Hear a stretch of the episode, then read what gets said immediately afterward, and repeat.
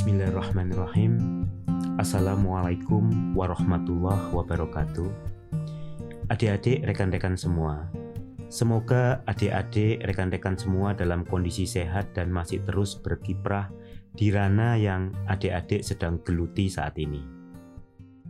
Pada kesempatan ini, saya akan berbagi cerita tentang salah satu aktivitas kami, yaitu pembangunan Rumah Sakit Indonesia di Gaza, Palestina. Ini sebetulnya proyek lama kita, sudah sejak tahun 2009 mulai kita desain, tetapi sampai hari ini 12 tahun setelahnya belum sepenuhnya selesai.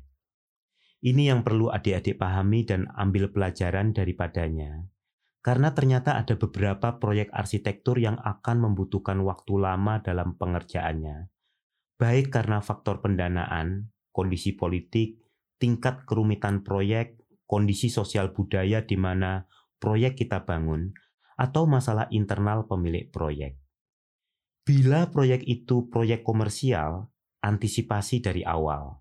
Karena maraton yang seperti ini butuh stamina lebih.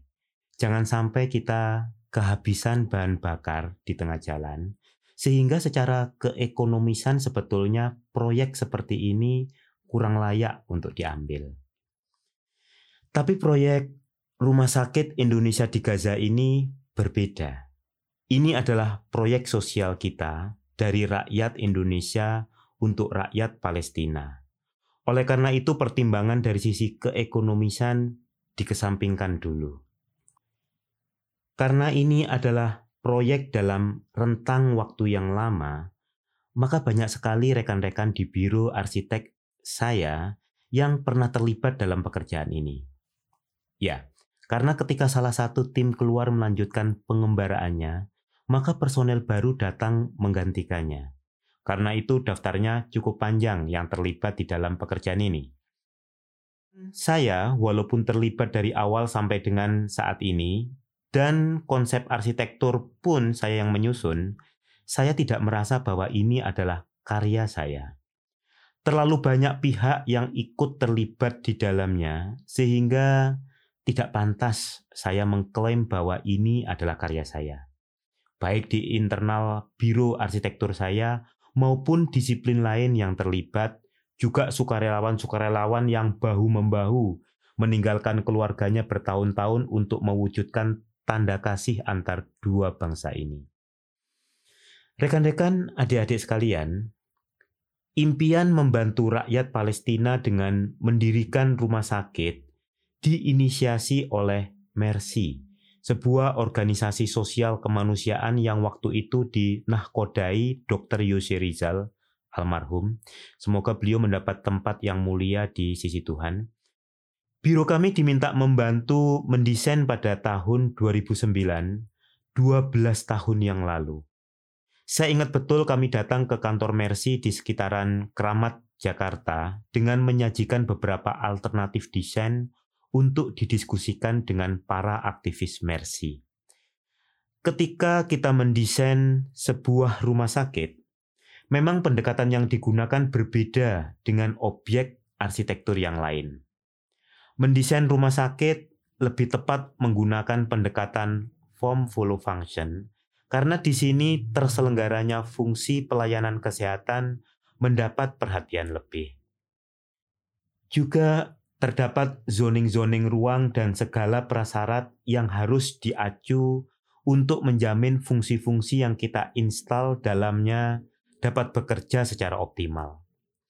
Juga kita perlu memastikan berbagai jenis sirkulasi dalam gedung dapat terwadahi dengan baik.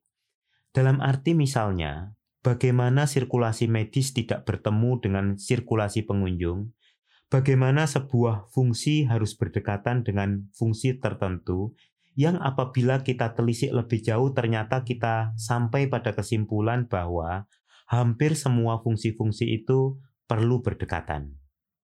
Instalasi laboratorium harus dekat dengan IGD misalnya, tapi dia juga harus dekat dengan ruang operasi Ternyata poliklinik pun juga memerlukan laboratorium. Begitulah. Fasilitas-fasilitas ini juga radiologi, farmasi, CT scan, diperlukan oleh hampir semua pelayanan rumah sakit. Apalagi rumah sakit ini kita rancang sebagai rumah sakit traumatologi hospital yang karakternya berbeda dengan general hospital. Sehingga unsur-unsur kedaruratan lebih kental lagi di sini. Maka ini adalah tantangan tersendiri bagaimana membuat farmasi, radiologi, laboratorium, instalasi bedah, ICU, dan instalasi gawat darurat dapat diletakkan berdekatan semuanya. Padahal sebagaimana lumrahnya bila banyak fungsi diletakkan dalam satu tempat, maka artinya akan berjejer. Pasti ada yang letaknya dekat, ada yang letaknya lebih jauh. Lumrahnya demikian. Kalau Anda berdua dengan teman Anda di satu ruangan, anda bisa berdekatan. Tapi bila Anda bersama 10 teman di ruang yang sama, maka akan ada yang dekat tapi ada yang jauh karena terhalang teman yang dekat Anda. Adik-adik paham ya maksud saya? Maka kita letakkan fungsi-fungsi tersebut secara serawung, bertemu, melingkar, bermaia, dengan tujuan agar sebanyak mungkin ruang yang bersinggungan dan sedekat mungkin fasilitas-fasilitas ini dapat diletakkan. Maka kita membuat sebuah konfigurasi zoning ruang yang terdiri dari zona inti, ini akan berada di tengah, di dalam, yang dikelilingi zona pelayanan yang mengitari zona inti tersebut. Zona inti yang berada di tengah terdiri dari fasilitas-fasilitas yang digunakan oleh semua fasilitas layanan yang lain. Di sini akan diletakkan instalasi farmasi, laboratorium, CT scan, dan X-ray. Zona inti tersebut akan melayani fasilitas-fasilitas yang ada di sekitarnya, yaitu instalasi rawat jalan, instalasi gawat darurat atau IGD, ruang operasi, ICU, yang kesemuanya memerlukan fasilitas yang ada di zona inti.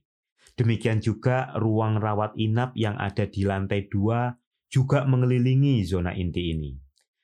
Dengan demikian Anda bisa membayangkan konfigurasi ini seperti tata surya. Matahari dikelilingi planet-planet, sebagaimana zona inti ini dikelilingi instalasi-instalasi yang membutuhkan layanan dari zona inti.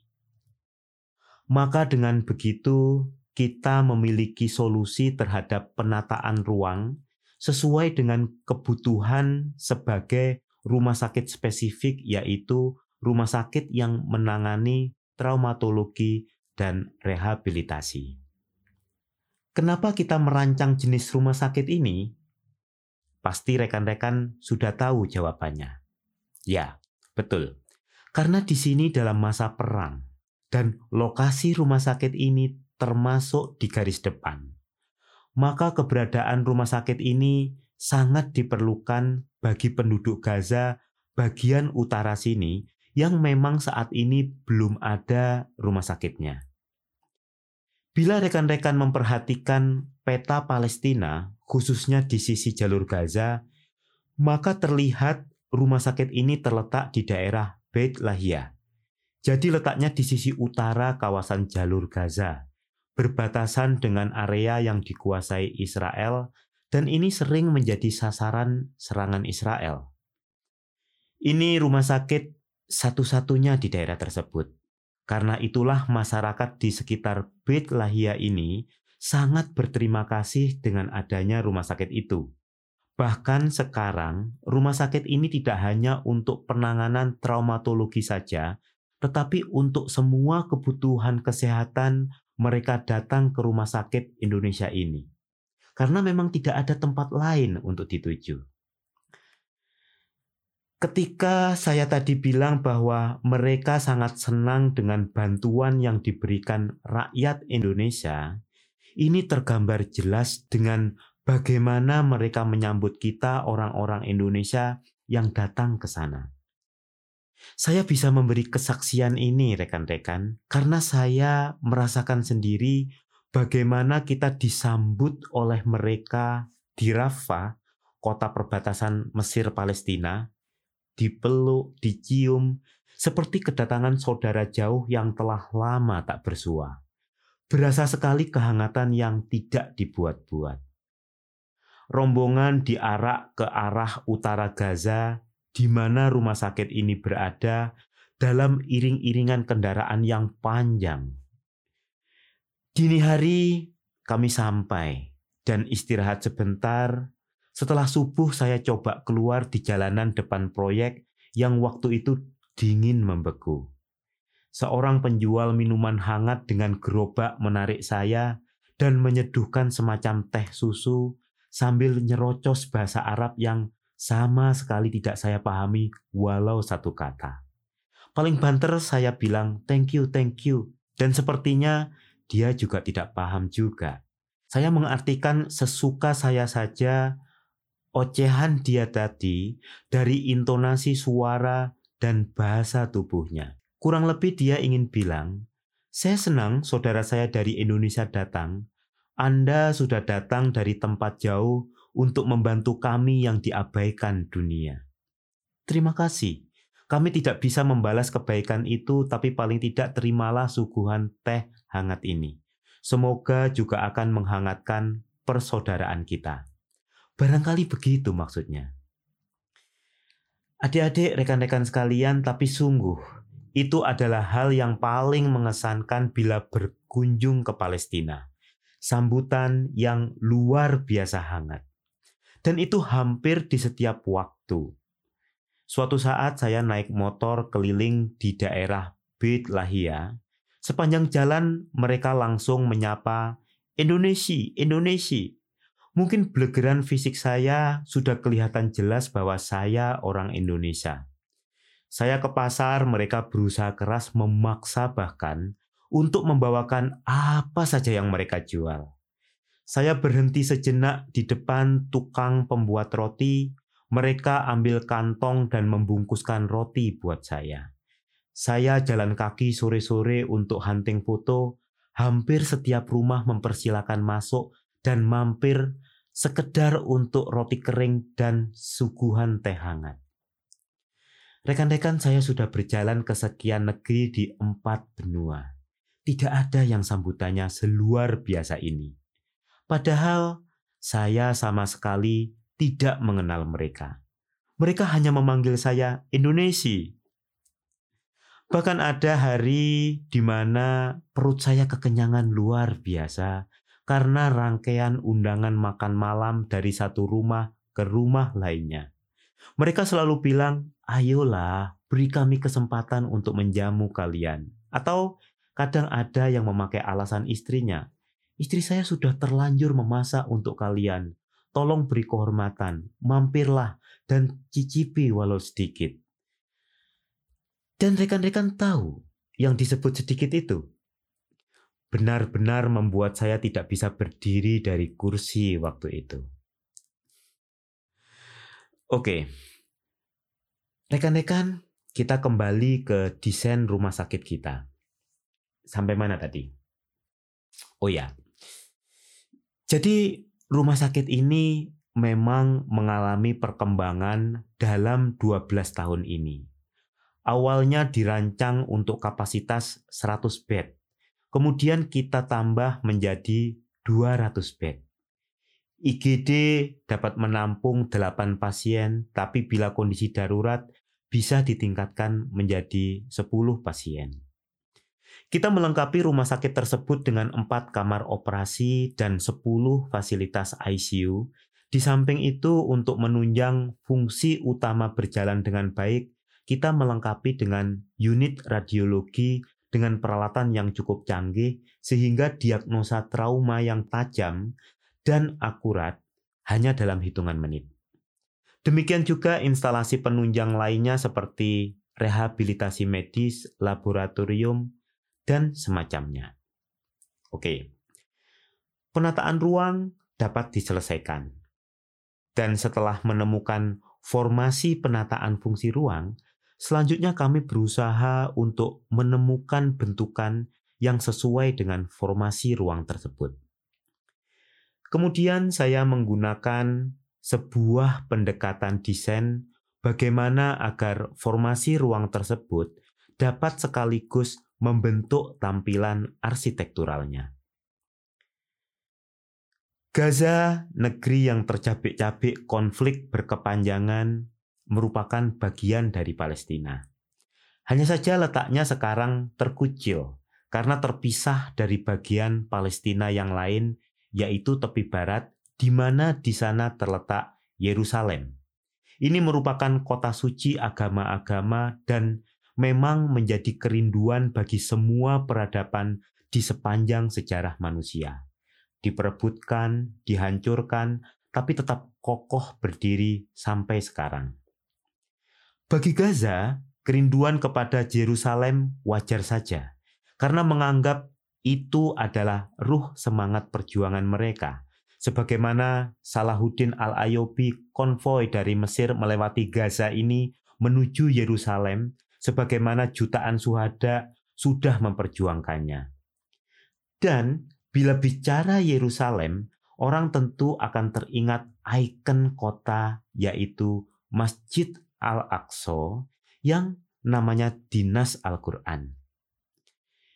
Bila orang bicara tentang Al-Aqsa, yang diingat dari komplek Haram Al-Sharif itu tentu adalah Asakroh atau Dome of Rock.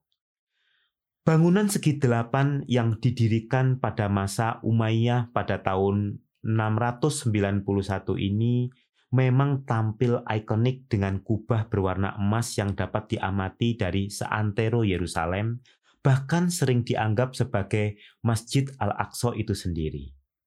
Nah, kembali ke desain rumah sakit kita. Konfigurasi zona ruang dan fungsi yang kita susun tadi ternyata juga membentuk rangkaian bidang segi delapan, sehingga bila kita ekstrud, kita tinggikan, sekilas akan mengingatkan kita pada bentukan Dome of Rock. Maka rumah sakit Indonesia di Gaza ini merupakan simbol longing, kerinduan masyarakat Gaza pada Yerusalem, kepada kedamaian tanah airnya, kepada kemerdekaan sebagai manusia. Sebagai sebuah simbol, tentu saja kita tidak bermaksud membuat duplikat atau miniatur Dome of Rock di Beit Lahia, jalur Gaza. Kita hanya ingin tetenger, penanda, sebuah monumen kerinduan, sebuah impian akan masa depan, sebuah tanda bahwa cita-cita menuju Yerusalem tidak pernah padam. Memang kemudian bentuk rumah sakit yang demikian membuat bangunan ini unik di Gaza. Karena pada umumnya bangunan berbentuk persegi empat, baik bujur sangkar maupun persegi panjang. Tapi perlu diingat bahwa bentuk segi delapan yang kita tawarkan ini tidaklah mengada-ada, dibuat-buat, atau sekedar gaya-gayaan saja. Ini rasional berdasarkan fungsi, tapi tetap berusaha tampil indah secara estetika. Yang jelas penduduk Gaza senang dengan ini, dan mereka yang kebetulan bertemu dengan saya menyampaikan hal tersebut dengan isyarat atau bahasa seadanya. Minta foto bareng padahal mereka sama sekali tidak tahu nama saya, minta di-add di Facebook padahal setelah saya periksa saya tidak mengerti sama sekali isi postingan mereka karena memakai huruf Arab semua. Yang tua, yang muda, maupun anak-anak. Dan percayalah adik-adik, rekan-rekan semua, tidak ada kebahagiaan sebagai arsitek melebihi kenyataan bahwa bangunan rancangan kita membuat banyak orang yang tidak kita kenal bahagia karenanya. Rumah sakit ini tidak hanya menjadi fasilitas kesehatan, ini juga menjadi persimpangan pejalan kaki karena letaknya yang strategis. Ini juga menjadi taman untuk berkumpul, meeting point untuk janjian. Bahkan mereka juga biasanya piknik di halaman rumah sakit, membawa makanan dan buka puasa di taman kecil yang ada di samping rumah sakit. Ini layaknya plaza seperti orang Italia, atau pelataran seperti orang Jawa, atau alun-alun seperti yang ada di banyak kota-kota di Indonesia. Padahal kami tidak bermaksud merancang ke arah sana. Begitulah rekan-rekan, kalau Perdana Menteri legendaris Inggris Winston Churchill bilang bahwa awalnya kita membentuk arsitektur, tapi nanti akhirnya arsitekturlah yang akan membentuk kita. Terbukti di proyek ini. Nah, pada proyek ini kita belajar bahwa kadang arsitektur akan menemukan jalannya sendiri. Kita tidak sepenuhnya dapat mengendalikan seperti apa yang kita rencanakan. Tapi sekali lagi, semua itu bukan karya saya sendiri. Penghargaan itu bukanlah untuk saya. Saya yakin mereka menumpahkan kepada saya karena saya dianggap representasi rakyat Indonesia. Mereka memeluk saya sesungguhnya yang ingin didekap adalah kehangatan Indonesia. Mereka tersenyum dan mengucapkan salam, sesungguhnya ingin menyapa saudaranya yang nun jauh di sana, di Indonesia. Rumah sakit ini memang sepenuhnya dari rakyat Indonesia. Gagasannya, idenya, yang merencanakan, yang merancang, mengumpulkan dana, yang membangun, tukang-tukang dan insinyurnya, semua dari Indonesia. Karena dana dikumpulkan dari jalan-jalan, kaleng masjid, saweran ibu-ibu pengajian, maka kita berusaha bahwa setiap sennya berharga, setiap rupiah berdaya guna. Maka tukang juga kita bawa dari Indonesia, karena kita tidak ingin menghabiskan dana yang terbatas untuk membayar kontraktor profesional. Pekerja-pekerja konstruksi kita merupakan santri dari pesantren Al-Fatah yang bertekad jihad kemanusiaan dengan cara membangun rumah sakit di tanah para nabi. Menginjak pasir yang pernah diinjak Nabi Ibrahim, menghirup udara yang pernah dihirup Nabi Musa, menyapa angin yang pernah menghela wajah Nabi Yusuf, Nabi Isa, Nabi Daud, Nabi Yakub, Nabi Lut, Nabi Sulaiman, dan Nabi Ishak. Merasakan air yang diminum oleh Hasim bin Abdul Manaf, kakek buyut Rasulullah Muhammad, yang makamnya ada di Gaza sampai sekarang. Dan juga merasakan dingin subuh di bumi di mana Imam Syafi'i dilahirkan kita berharap ketika bertemu beliau-beliau nanti bisa bercerita bagaimana kita juga berusaha memuliakan tanah di mana para rasul dan aulia itu berjuang. Tanah yang diberkahi dan kita hanya berharap berkah Tuhan atas kontribusi kita yang tidak seberapa itu. Ini adalah tanah yang penuh berkah dan itu berasa sekali di sini. Karena cahaya nubuah dan karoma aulia banyak berceceran di sini. Jejak dari beliau-beliau yang sudah tiada itu. Maka para relawan Indonesia itu bekerja tanpa memperdulikan imbalan materi dari hasil kerjanya. Karena kita memperoleh kebahagiaan lain yang lebih daripada harta maka bila Anda termasuk yang menyumbang 5.000 atau 500.000 untuk proyek ini, jangan khawatir. Sumbangan Anda insya Allah aman sampai di tanah ini. Semoga itu menjadi titipan salam dari Anda semua ke para suhada dan aulia yang pernah berkiprah di tanah ini. Rekan-rekan, saya bukan pengurus Mercy tapi saya dekat dengan mereka karena kami sering membantu desain-desain beberapa bangunan untuk mendukung misi kemanusiaan yang sedang dilancarkan. Saya menjadi saksi bagaimana para aktivis Mercy sangat berhati-hati mengelola dana yang Anda sumbangkan. Aktivis relawan Mercy adalah dokter-dokter muda yang energik, militan, bahkan kalau istilah saya jiwa sosialnya sudah dalam taraf fundamentalis atau bahkan ekstremis. Ketika kita sulit masuk Gaza pada awal proyek, beberapa relawan nekat ikut misi kemanusiaan dengan kapal Mavi Marmara yang terkenal itu. Adik-adik yang waktu itu belum lahir coba cari di internet dengan kata kunci Mavi Marmara. Akan bertemu dengan insiden penyerangan kapal yang membawa misi kemanusiaan ke Palestina oleh tentara Israel. Gambar rumah sakit Indonesia yang kami rancang ini Dibawa relawan Mercy, Dr. Arif ikut kapal yang diserbu tentara Israel itu. Banyak yang meninggal karena serbuan pada misi kemanusiaan itu dan selebihnya ditahan tentara Israel, termasuk Dr. Arif. Saya tidak ikut tentu saja, tapi saya ingat waktu itu kita ikut tegang karena tim kita ada di kapal yang diserbu itu. Jauh hari kemudian setelah berhasil bebas, Dr. Arif menyampaikan ke saya Pak Rizal maaf, gambar rumah sakit tidak bisa saya selamatkan disita tentara Israel.